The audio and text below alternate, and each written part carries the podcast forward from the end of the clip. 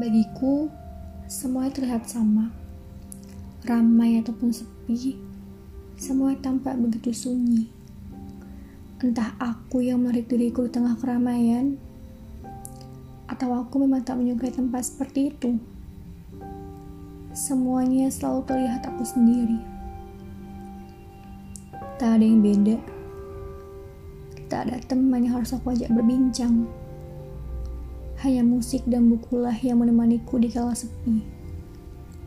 Terkadang, musik yang membuat suasana ini menjadi hidup, dan buku yang membuatku bebas untuk berekspresi. Bebas menulis dengan apa yang aku rasakan, bebas membaca dengan apa yang aku suka. Dengan itu, aku tidak merasakan sepi dan sendiri lagi. Mereka tuh seperti teman nyata namun tak bernyawa. Dengannya juga, aku bebas berfantasi. Ya, berfantasi dalam dunia aku sendiri.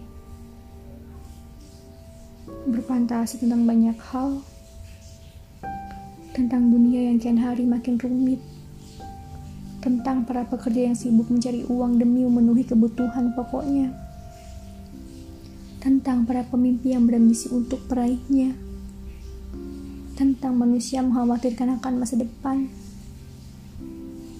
dan tentang aku yang sulit didefinisikan. Lucu memang. Ada yang mereka, aku merasa hidup. Aku merasa bahagia. Aku tidak peduli bagaimana tanggapan orang lain terhadapku Mungkin ada sebagian yang menganggapku aneh, unik, atau apa pun itu. Tapi inilah adanya diriku, tanpa kecuali. Iya, aku menyukainya.